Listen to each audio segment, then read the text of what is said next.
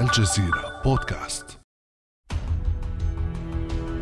بشرى هامة وعد الرئيس التركي رجب طيب أردوغان أن يزفها إلى شعبه. بعدها بأيام وتحديدا يوم الحادي والعشرين من شهر أغسطس آب ظهر الرئيس أردوغان على التلفاز ليعلن بصوت يملأه الحماس عن منحة إلهية. فتح الله لنا طاقة خير كبيرة في مكان لم يكن أبدا بالحسبان بهذه الكلمات أعلن الرئيس أردوغان عن اكتشاف أكبر حقل تركي للغاز في مياه البحر الأسود على بعد 170 كيلومترا من البر التركي وباحتياطيات تقدر ب 320 مليار متر مكعب. ما قيمة هذا الكشف؟ وهل تملك تركيا المزيد؟ وهل سيلبي حقل تونة واحد كامل احتياجات هذا البلد ذات ال 82 مليون نسمة؟ وكيف سيؤثر هذا الاكتشاف على اقتصاد تركيا التي تستورد تقريبا كل احتياجياتها من الوقود؟ وإلى أي حد يمكن لهذا الاكتشاف أن يدعم الليره التركيه المتراجعة؟ وهل سيكون له تداعيات على الصراع على غاز شرق المتوسط؟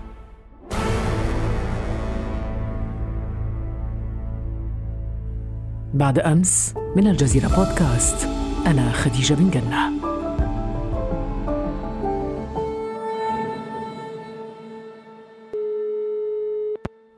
وسأطرح كل هذه الأسئلة على ضيفنا في هذه الحلقة الأستاذ جلال بكار الخبير الاقتصادي التركي. أهلا وسهلا بك أستاذ جلال. أهلا وسهلا بكم.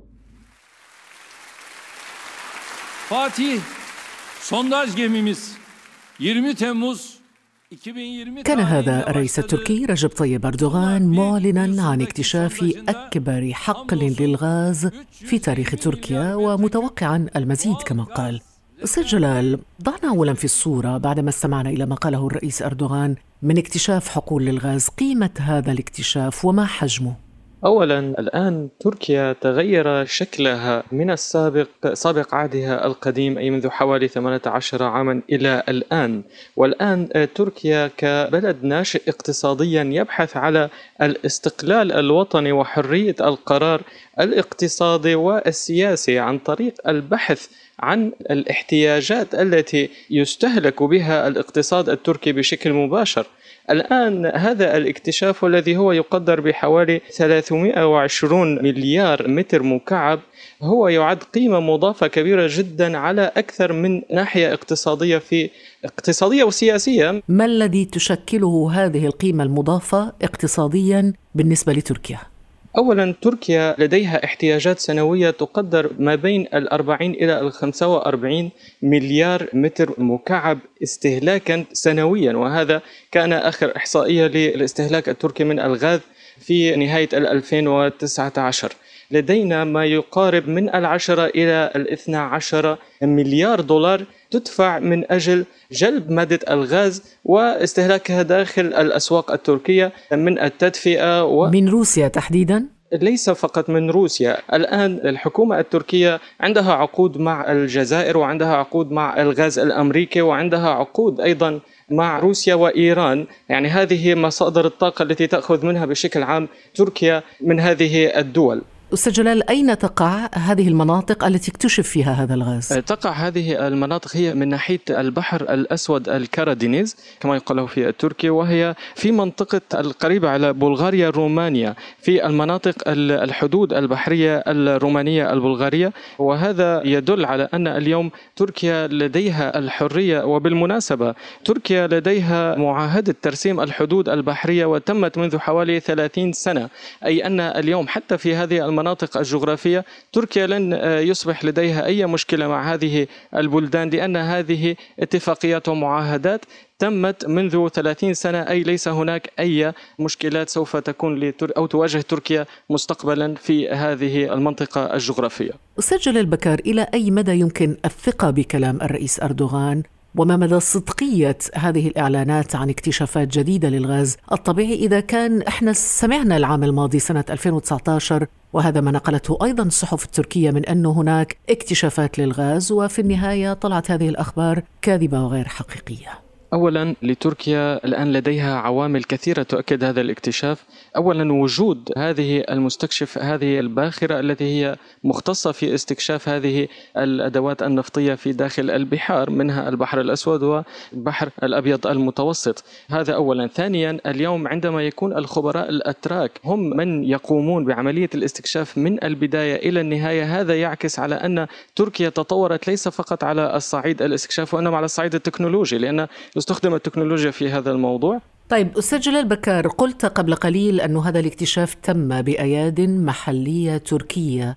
هل ستحتاج تركيا شركات نفط عالمية لتطوير هذه الحقول واستثمارها واستخراج الغاز؟ صحيح وأيضا اليوم تركيا تعمل على بناء العلاقات في الشراكات الاستراتيجية الموثوقة المقربة من توجهات الحكومة التركية بشكل مباشر على سبيل المثال مثلا لدينا قطر والشركات التي تعمل في قطر المختصة في هذا الموضوع أستاذ جلال بكار ثلاث سنوات كافية برأيك للبدء في الإنتاج؟ من الناحية التقنية نعم هي كافية لأن أولا عناصر استكشاف هذا الحقل تؤكد أن الحقل هو جاهز مباشر للإنتاج أي أن الحكومة التركية الآن تعد المعدات وتجهز الآليات لهذا الاستكشاف نفسه في المرحلة الأولى ومن ثم ممكن أن تطرحه كاستثمار للشركات الخارجية المتعلقة في استخراج مثل هذه المواد طب كلفة استخراجه ألا تعتبر عالية جدا؟ كلفة الاستخراج سوف تكون عالية لكن النوعية وجودة الغاز المتواجد في هذا الحقل تعكس على أن الغاز هو ليس فقط سوف يكون من الدرجة الثالثة أو الرابعة بل هو من الدرجة الأولى بحسب وزير الطاقة التركي. إذا هذا الغاز هو ذا جودة عالية لكن هل متوقع اكتشاف المزيد ربما؟ هذا متوقع وممكن في وقت قريب جدا أن يعلن على شيء آخر في باتجاه البحر الأسود أيضا. وهو بلا شك اكتشاف مجد اقتصاديا بالنسبة لتركيا. طبعا لأنه سوف يخفف من عبء الاقتصاد التركي من صرف العملة الأجنبية على موارد الطاقة. وكما ذكرنا سابقا أن تركيا هي بلد منتج أي أن معاملها يوميا تحتاج لمثل هذه المواد آه، النفطية.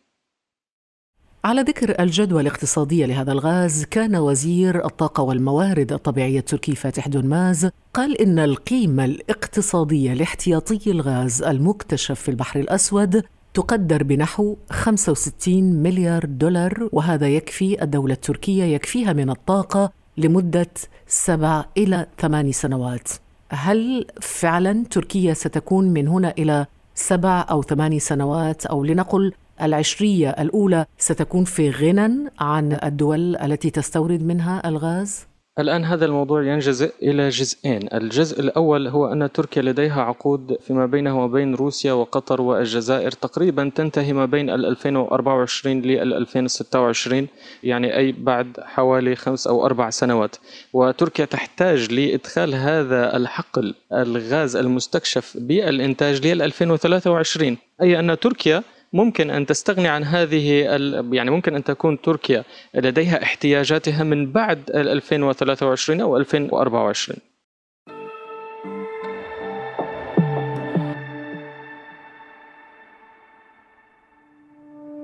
ابدأ بالاستماع الآن ولا تنسى تفعيل زر الاشتراك الموجود في تطبيقك لتصلك حلقاتنا اليومية فور صدورها. ابقى على تواصل مستمر مع الجزيرة بودكاست عبر صفحاتنا على فيسبوك، تويتر وإنستغرام.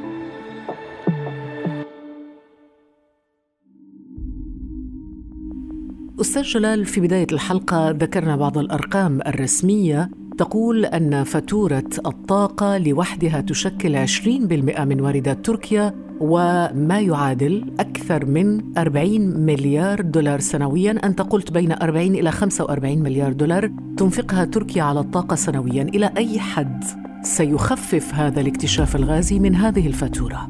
وهل سيحسن من وضع الليرة التركية حاليا؟ هو سوف يحسن من وضع الليرة بالتأكيد لأنه سوف يخفف من العجز الميزان التجاري أي أن تركيا اليوم سوف يصبح لديها فائض إضافي لعدم صرفه.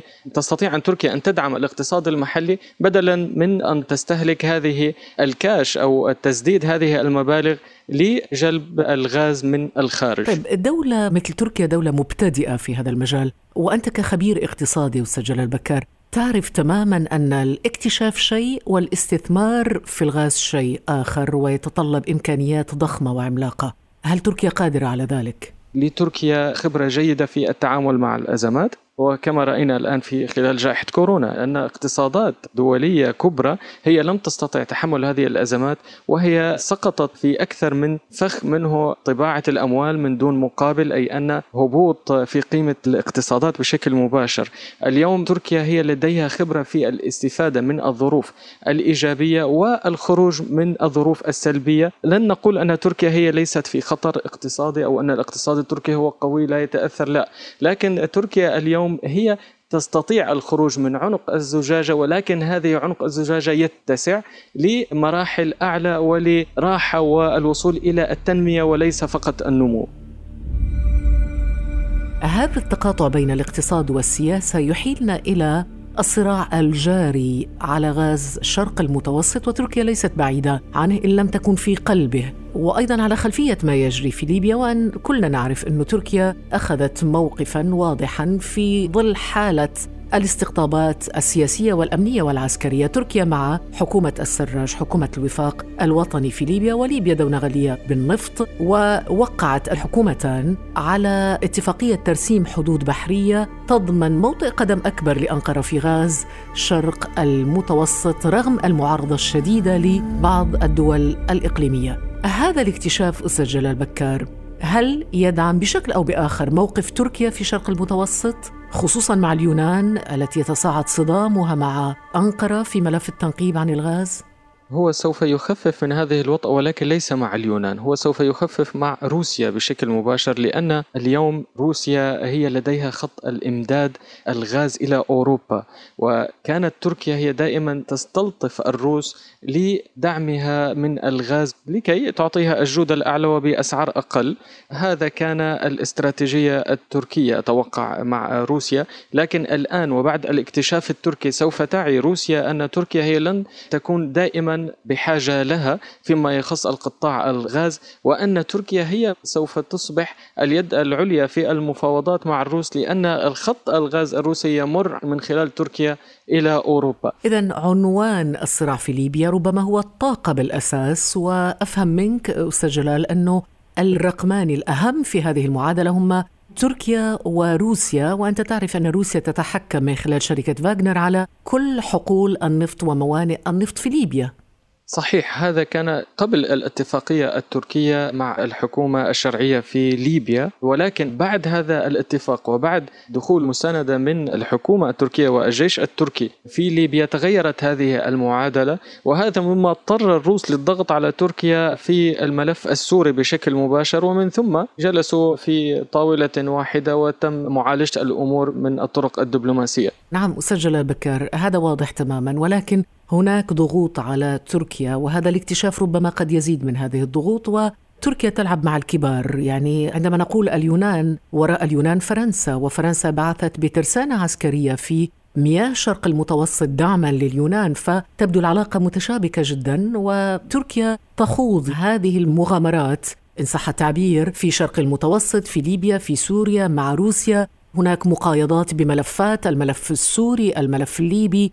الآن هذا الملف الجديد وهو اكتشاف الغاز. إلى أي مدى سيعزز تركيا ويعزز موقعها في هذه المفاوضات حول هذه الملفات الكبيرة دوليا وإقليميا؟ لنتكلم بشكل واقعي وليس فقط بالشكل العاطفي. نحن لدينا الآن في تركيا قوام وموارد ولدينا أساسيات لكي تصبح تركيا هي دولة عظمى وليست فقط دولة ناشئة اقتصاديا أو هي ليست فقط دولة أو لاعب بسيط أو إنها مغامرات ومجازفات. هذا ممكن عندما نعرف أن الرئيس أردوغان يواجه معارضة هناك معارضة قوية له في الداخل. تماما المعارضة موجودة والمؤيدين أيضا موجودين لكن هذا اليوم الإنجازات التي تعكسها تركيا في الداخل والخارج هي أيضا سوف تقرب الشعب من السلطة في أكثر من مجال لكن هناك بعض الأخطاء وهناك بعض الأمور التي يجب إصلاحها مع الأطراف الأخرى في الداخل التركي لكن هذا لا يعكس أن تركيا اليوم هي أصبحت عبارة عن لاعب عادي جدا أو هي تجازف ولكن تركيا لديها قوام هذه المجازفة وهي الآن في وضع يجب عليها أن تجازف لأن تركيا بالأخير في نهاية ال 2000 أو لنهاية 2022 وبداية 2023 هي سوف تنتهي معاهدة لوزان. لن ندخل في تفاصيل هذه المعاهدة لكن هي تقريبا اليوم تركيا تعاقب في تاريخ معاهداتها وهذا ما يعمل عليه الغرب والقوى العظمى بشكل عام. هي ربط قرار ومصير مستقبل نعم ولكن هناك من يتهم تركيا بالانتهازية السياسية وأنها تقايض بملفات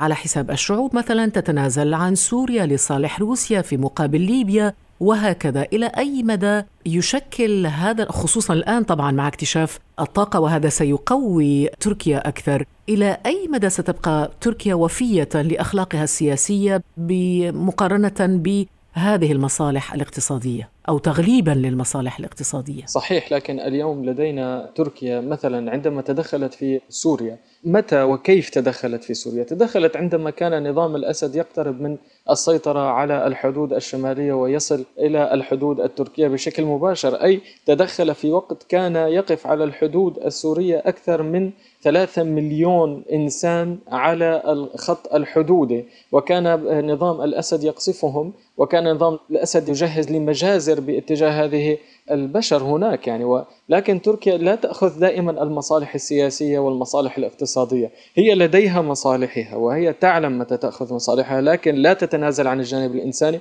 وهذا الجميع يعلمه. آه، نعود إلى موضوع الطاقة واكتشاف الغاز. هذه الاكتشافات هل برأيك ستدعم وتعزز من استقلالية السياسة التركية التي تواجه ضغوطات وتهديدات من عدة جهات ودول؟ هذه الضغوطات سوف تكون موجودة والحكومة التركية هي تعلم هذا الموضوع بشكل مباشر. وأن مثلا عندما صرح جو بايدن بأن من إحدى أهدافه هي إسقاط الحكومة الشرعية الحالية لتركيا وهذا أعلنه على العلن بشكل مباشر.